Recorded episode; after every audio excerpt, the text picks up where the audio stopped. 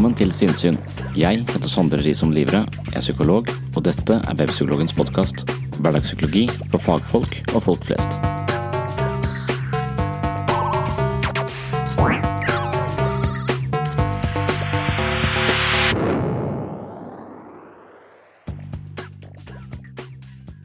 Jeg er ingen stor tilhenger av sosiale medier. Jeg ser fordelene og mulighetene, men for meg overskygges de av ulempene. Jeg tror at scrolling i overskrifter, tilfeldige bilder og korte ingresser gjør oss rastløse. Jeg tror vår konsentrasjonsevne begynner å falle, og vår oppmerksomhet på en tekst varer kun i 164 tegn. I så måte blir det stadig vanskeligere å lese en hel bok, da de fleste bøker inneholder mer enn 164 tegn med mellomrom. På tross av dette, og i god dobbeltmoralsk forstand, forsøker jeg selv å lage en plattform i de raske sosiale kanalene. Mitt håp er imidlertid at jeg skal klare å fange folks oppmerksomhet og interesse, og deretter lose de over i podkastformatet, som er et mer langvarig og litt langsommere medium. Kanskje jeg til og med kan motivere folk til å lese bøker, noe jeg hele tiden forsøker å motivere meg selv til. Men hvis du er en person som har lest mer enn én time uavbrutt i en bok i dagens samfunn, uten å sjekke telefonen din, til jeg påstå at du tilhører en sjelden minoritet. Jeg er redd for at hjernen vår er i ferd med å utvikle et eh, oppmerksomhetsspenn på Donald Trump-nivå, og vi ender opp med enorme konsentrasjonsproblemer som befolkning.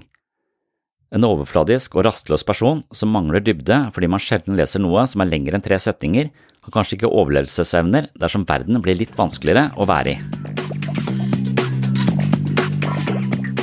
I couldn't see my generation going to war because we're much too distracted.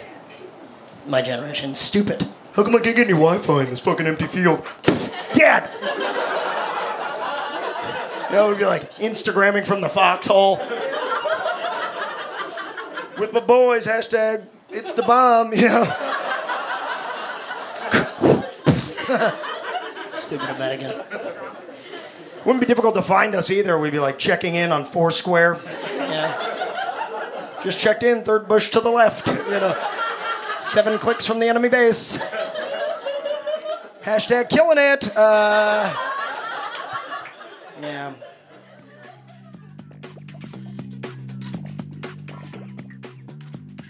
Dette er den tredje episoden med Shots av sinnssyn.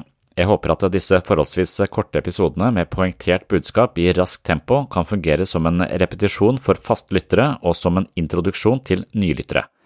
Materialet er henta fra mine stunts i de raske sosiale mediene. I høst etablerte jeg en Instagram-konto hvor jeg blant annet eh, lager korte filmer hvor jeg ved hjelp av video gir budskapet fra sinnssyn en visuell dramaturgi, noe jeg synes er litt gøy. Av og til trenger man også en visuell fremstilling av poengene jeg forsøker å formidle. Det visuelle har alltid vært eh, viktig for meg. I mine to første bøker, Selvfølelsens psykologi og Jeg, meg selv og selvbildet, er det bilder på nesten hver side.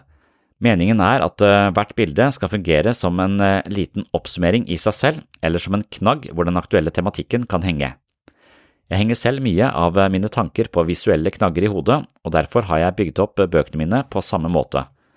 En podkast er først og fremst lyd, selv om jeg legger mye arbeid i å finne illustrasjonsfoto til hver episode. I mine stunts på Instagram, Facebook, YouTube og til dels TikTok akkompagnerer jeg budskapet i podkasten med en film på rundt ett minutt. Dette arbeidet stimulerer meg kreativt, og jeg håpet at det skulle gi meg litt mer oppmerksomhet hos et yngre publikum, som ofte trenger en form for anvendt psykologi i alle strabasene mot voksenlivet. Dog ser jeg at de raske sosiale mediene ikke er helt min plattform, og jeg begriper ikke hvordan folk klarer å tilkjempe seg tusenvis av følgere på Insta og TikTok. Sannsynligvis er det en kombinasjon av utseende, talent og alder, og her er det flere faktorer som ikke nødvendigvis spiller på lag med meg. Stjernene i de sosiale kanalene har nok også en helt eh, egen teft for eh, appellerende materiale, og det er ikke så lett å gjøre Freud supersexy, sånn jeg ser det. Nå har jeg likevel prøvd et halvt års tid, og jeg har ikke gitt opp eh, riktig enda. Er du blant de som eh, ikke følger meg på Instagram, abonnerer på YouTube-kanalen og liker sinnssyn på Facebook, så hadde det vært fint å få deg som følger, om ikke annet for å bøte på min eh, følelse av tilkortkommenhet i sosiale medier. Det er også veldig viktig at du abonnerer på Sinnsyn i din podkast-app, da det er i podkastformatet jeg trives best. I det følgende får du lyden fra min tilstedeværelse i sosiale medier, og kanskje kan det få deg til å tenke litt annerledes på noe du har tenkt på før, eller eh, tenke en ny tanke som aldri har streifa deg. Det er i så fall i tråd med ambisjonene her på Sinnsyn. velkommen til et slags eh, psykologisk vorspiel hvor jeg serverer deg tolv shots av eh, sinnssyn. Det er ikke nok til å bli full, men kanskje du blir litt brisen og en smule forvirra, for dette her går i hundre og helvete. Negative følelser og smerte er helt sentralt i et meningsfullt liv. Det er mer tilfredsstillende å fullføre et maraton enn å spise opp en sjokoladekake, selv om et maraton er forbundet med blodslit og smerte. Når målet er nytelse og positive tanker, går vi glipp av dybden som gjør livet edelt og verdifullt. Mange har hørt at de kan bli hva de vil her i verden, men det er ikke sant. Alle kan ikke være ekstraordinære, og de fleste av oss er middelmodige. Det finnes vinnere og tapere, og det er ikke nødvendigvis din feil dersom du ender opp som en taper. Det beste vi kan gjøre, er å bli kjent med våre egne begrensninger og akseptere dem. Idet vi klarer å akseptere våre frykter, omfavne vår egen usikkerhet, innrømme vår sårbarhet og ta ansvar for våre feil og mangler, lever vi på en oppriktig måte, og det er utgangspunktet for et godt liv. Først når vi tør å akseptere oss selv akkurat slik vi er, med alle de feilene og usikkerhetene som utgjør akkurat oss, kan vi gjenvinne det motet og den selvsikkerheten som de fleste av oss er på desperat utkikk etter. Jeg snakker mer om dette i episode 112 på Sinnsyn. Å jakte på nytelse og velbehag er ikke oppskriften på et godt liv. Velbehag er en god ting, men en forferdelig verdi å prioritere som livsveiledende prinsipp. De som fortrinnsvis motiveres av å oppnå nytelse, vil ikke nødvendigvis få et godt liv. Spør rusmisbrukeren om øyeblikkelig nytelse har fungert godt for ham. Du kan også spørre en av de som nesten har spist seg selv i hjel om nytelse var den beste veien å gå. Nytelse er i mange henseende et falskt gode. Det er mye forskning som peker på at de som jakter på overfladisk velbehag, er mer disponert for angst, mer emosjonelt ustabile og mer deprimerte. Nytelse og velbehag er overfladiske og lettbeinte verdier som er lett å oppnå og lett å miste, og derfor ikke et bærekraftig utgangspunkt for et godt liv. Likevel er nytelse noe som markedsføres ganske aggressivt i de fleste kanaler, og det er noe vi tilstreber for å distrahere oss selv fra de problemene vi burde ha løst og konfrontert for å virkelig få et rikere liv som stikker litt dypere. I episode 112 på min podkast Sinnsyn angriper jeg velferdsidealet i dagens samfunn.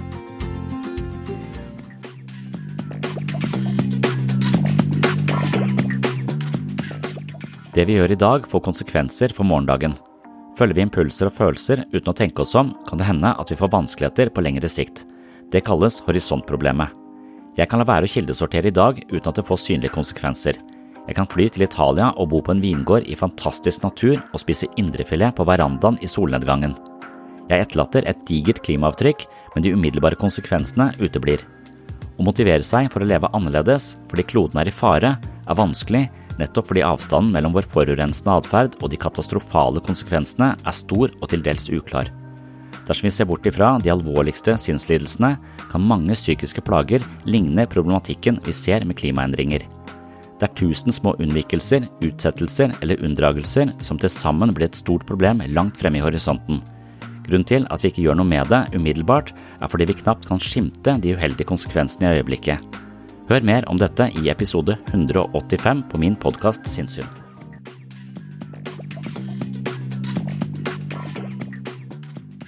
Daniel Kahneman skriver om det fortellende selvet, som har til oppgave å lage sammenhengende historier om oss selv og disse historiene er ingrediensene i vår identitet eller selvforståelse, men historiene er diktert av ubevisste krefter forankra i tidligere erfaringer.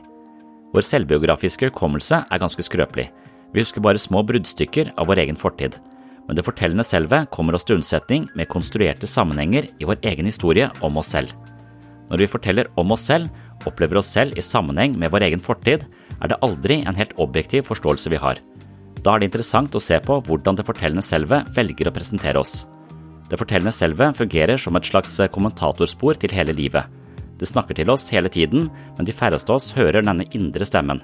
Likevel påvirker det oss og styrer våre tanker, følelser og handlinger på bakgrunn av en mer overordna idé om hvem vi er. Problemet er at det fortellende selvet ikke alltid snakker helt sant, men kan lyve til oss om hvem vi er. Det kan du høre mer om i episode 207 på min podkast Sinnsyn. Stanislav Grof sier at psykedelika kan gjøre det samme for psykisk helse som mikroskopet gjorde for biologien eller teleskopet gjorde for astronomien. Jeg undersøker dette i samtale med filosofiprofessor Ole Martin Moen. Da LSD ble først oppdaget på 1940-tallet, virket det som om forskerne sto på trappene til en psykologisk revolusjon. Psykedeliske stoffer var uhyre potent, og det kunne virke som om de åpnet for ny innsikt i bevissthetens dype mysterier. Samtidig kunne de ha helbredende effekt på en rekke psykiske plager og avhjelpe rusmisbruk. Men på 1960-tallet oppstod det sterke krefter som ville tvinge hippiebølgen i kne, og dermed ble mye av forskningen på LSD tatt med i fallet. Og siden ble det mer eller mindre forbudt. I de siste årene har imidlertid arbeidet og interessen for psykedeliske preparater fått en slags renessanse, og man har begynt å utforske det fantastiske potensialet for LSD, psilocybin, DMT, MDMA osv. på nytt. Er det mulig at disse stoffene kan forbedre menneskets psykiske helse på dramatisk vis? Kan det fungere som en portåpner til en helt ny form for bevissthet? Det er nettopp denne typen spørsmål jeg drøfter med Ole Martin Moen i episode 104 og 105 på min podkast Sinnssyn.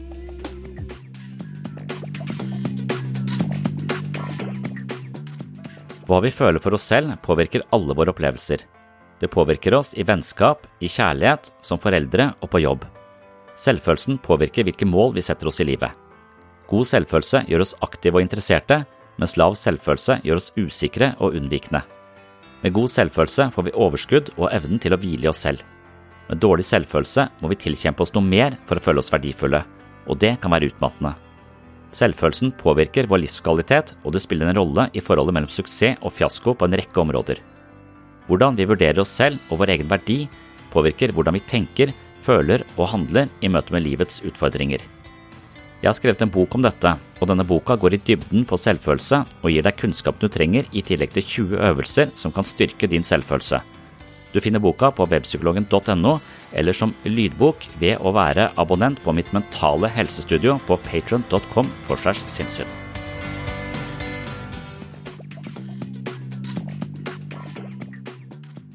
Jeg mener vi er overdremt opptatt av sikkerhet i vår tid. I helsevesenet er ledelsen så opptatt av å forebygge feil at de pumper ut nye prosedyrer og protokoller på ukentlig basis. Det ender med at helsearbeidere bruker mer tid på å unngå å gjøre feil enn å gjøre jobben sin. Det gjør oss lange sykehuskøer og folk som ikke får den behandlingen de skal ha. Det hender at ledelsen må holde folk i ørene fordi de gjør en dårlig jobb, men det er sjeldent. Pat McCord i Netflix skrev en artikkel i Harvard Business Review hvor hun sier at dersom man ansetter dyktige fagfolk, vil 97% av dem gjøre jobben sin på en utmerket måte. Likevel bruker de fleste virksomheter enorme mengder ressurser på HR-tiltak og prosedyreverk for å hindre at de siste 3 prosentene gjør noe dumt eller ikke gjør jobben sin. Dette medfører en betydelig forsinkelse og opphopning av dokumentasjonsarbeid for alle de ansatte, og det er nettopp denne typen tiltak hundrevis av byråkrater holder på med i helseforetakene. Hvis helsebyråkrater stoler mer på de ansatte i sykehusene, får vi tid til å behandle flere med bedre kvalitet. I episode 107, 124 og 127 på podkasten Sinnsyn snakker jeg mer om malplassert mistillit i offentlig sektor. Det sies at sjalusi er den beste motgiften man kjenner mot kjærlighet. Den dreper kjærligheten garantert hos den andre parten. Det blir også sagt at sjalusi er sjelens gulsott. Noen ganger hører jeg mennesker som argumenterer for at sjalusi er et bevis på kjærlighet. Jeg tror at det er et bevis på at man er usikker på seg selv. Sjalusi er en destruktiv kraft som sniker seg inn i mange parforhold og forpester alt som befinner seg i samme orbit. I episode 165 på podkasten Sinnsyn snakker jeg om sjalusi, paranoia og stalking. Jeg er spesielt opptatt av menneskers paranoide trekk og hvordan det kan forstås i relasjon til våre psykiske forsvarsmekanismer, og da spesielt de mekanismene som er sentrert rundt projeksjon. Projeksjon betyr at de indre følelsesmessige konflikter plasseres utenfor. Hos den paranoide innebærer det at virkelighetsoppfattelsen forvrenges i samsvar med det indre psykiske ubehaget, og nettopp her er sjalusi et godt eksempel. Egen usikkerhet omformes til mistanker om utroskap og baksnakkelser i den ytre verden, og plutselig er man i kamp med dem man egentlig elsker. I boken Selvfølelsens psykologi hevder jeg at noe av forskjellen på dårlig selvfølelse og god selvfølelse handler om forholdet mellom en passiv og en aktiv orientering til livet. God selvfølelse handler mye om å fungere som regissør i eget liv. Det betyr ikke at mange mennesker ikke lider som følge av ulykker, uheldige omstendigheter eller andres ugjerninger. Vi er selvfølgelig ikke ansvarlige for alt som skjer med oss. Noen ting har vi kontroll på, og andre ting kan vi ikke kontrollere. Dersom man setter seg selv som ansvarlig for ting som ligger utenfor egen kontroll, vil man risikere egen selvfølelse fordi man til syvende og sist ikke klarer å leve opp til forventningene. Dersom man nekter ansvar for de tingene som faktisk er innenfor egen kontroll, vil man også ofre egen selvfølelse. Psykisk sunnhet og god selvfølelse handler i så henseende om å vite hva som er og ikke er opp til oss selv. Man må også vite at man dypest sett har ansvar for sin holdning til de tingene man ikke kan kontrollere, som eksempel andres væremåte. Hør mer i episode 167 og 168 på Sinnssyn.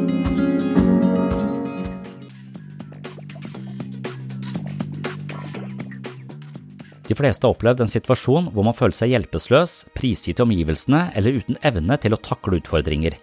Vi kaller det sårbarhet, og noen har det i flere situasjoner enn andre. Vi er redde for ulykker, vi har flyskrekk, og noen frykter fattigdom, mens andre er redde for å miste forstanden. Hypokonderen frykter sykdom. Engstelse kan handle om mange ting, og noen ganger er det forankret i en generell underliggende usikkerhet eller lav selvfølelse. Hvordan forstår og håndterer vi egentlig dette? Mye sårbarhet er som regel knytta til frykt, og det er ofte et resultat av oppvekst i et miljø med engstelige personer i nære omgivelser eller mye utrygghet hjemme, i barnehagen eller på skolen. Utrygghet aktiverer hjernens fryktsentre, og når de aktiveres jevnlig, blir vår mentale energi bundet opp i en form for kronisk engstelse. Dersom vi lever livet på en slags psykologisk grunnmur av usikkerhet, vil symptomene ofte kanaliseres inn i frykt for sykdom, økonomisk ruin eller naturkatastrofer. Hør mer om dette i episode 201 og 202 på min podkast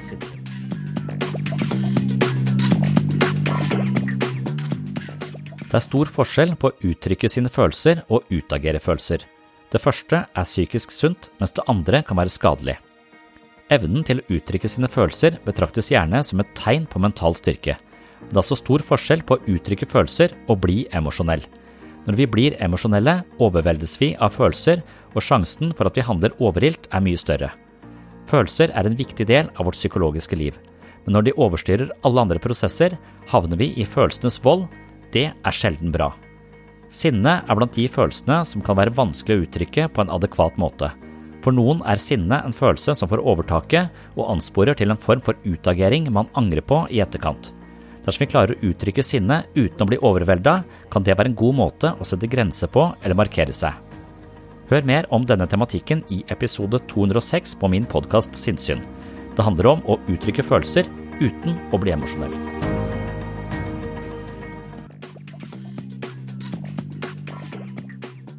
De fleste mennesker har følelsesmessige problemer fra tid til annen. Hvordan forholder vi oss egentlig til det? Hvordan forstår vi slike problemer? Hva gjør oss til gode medmennesker, og hvordan kan vi selv be om hjelp når vi trenger det?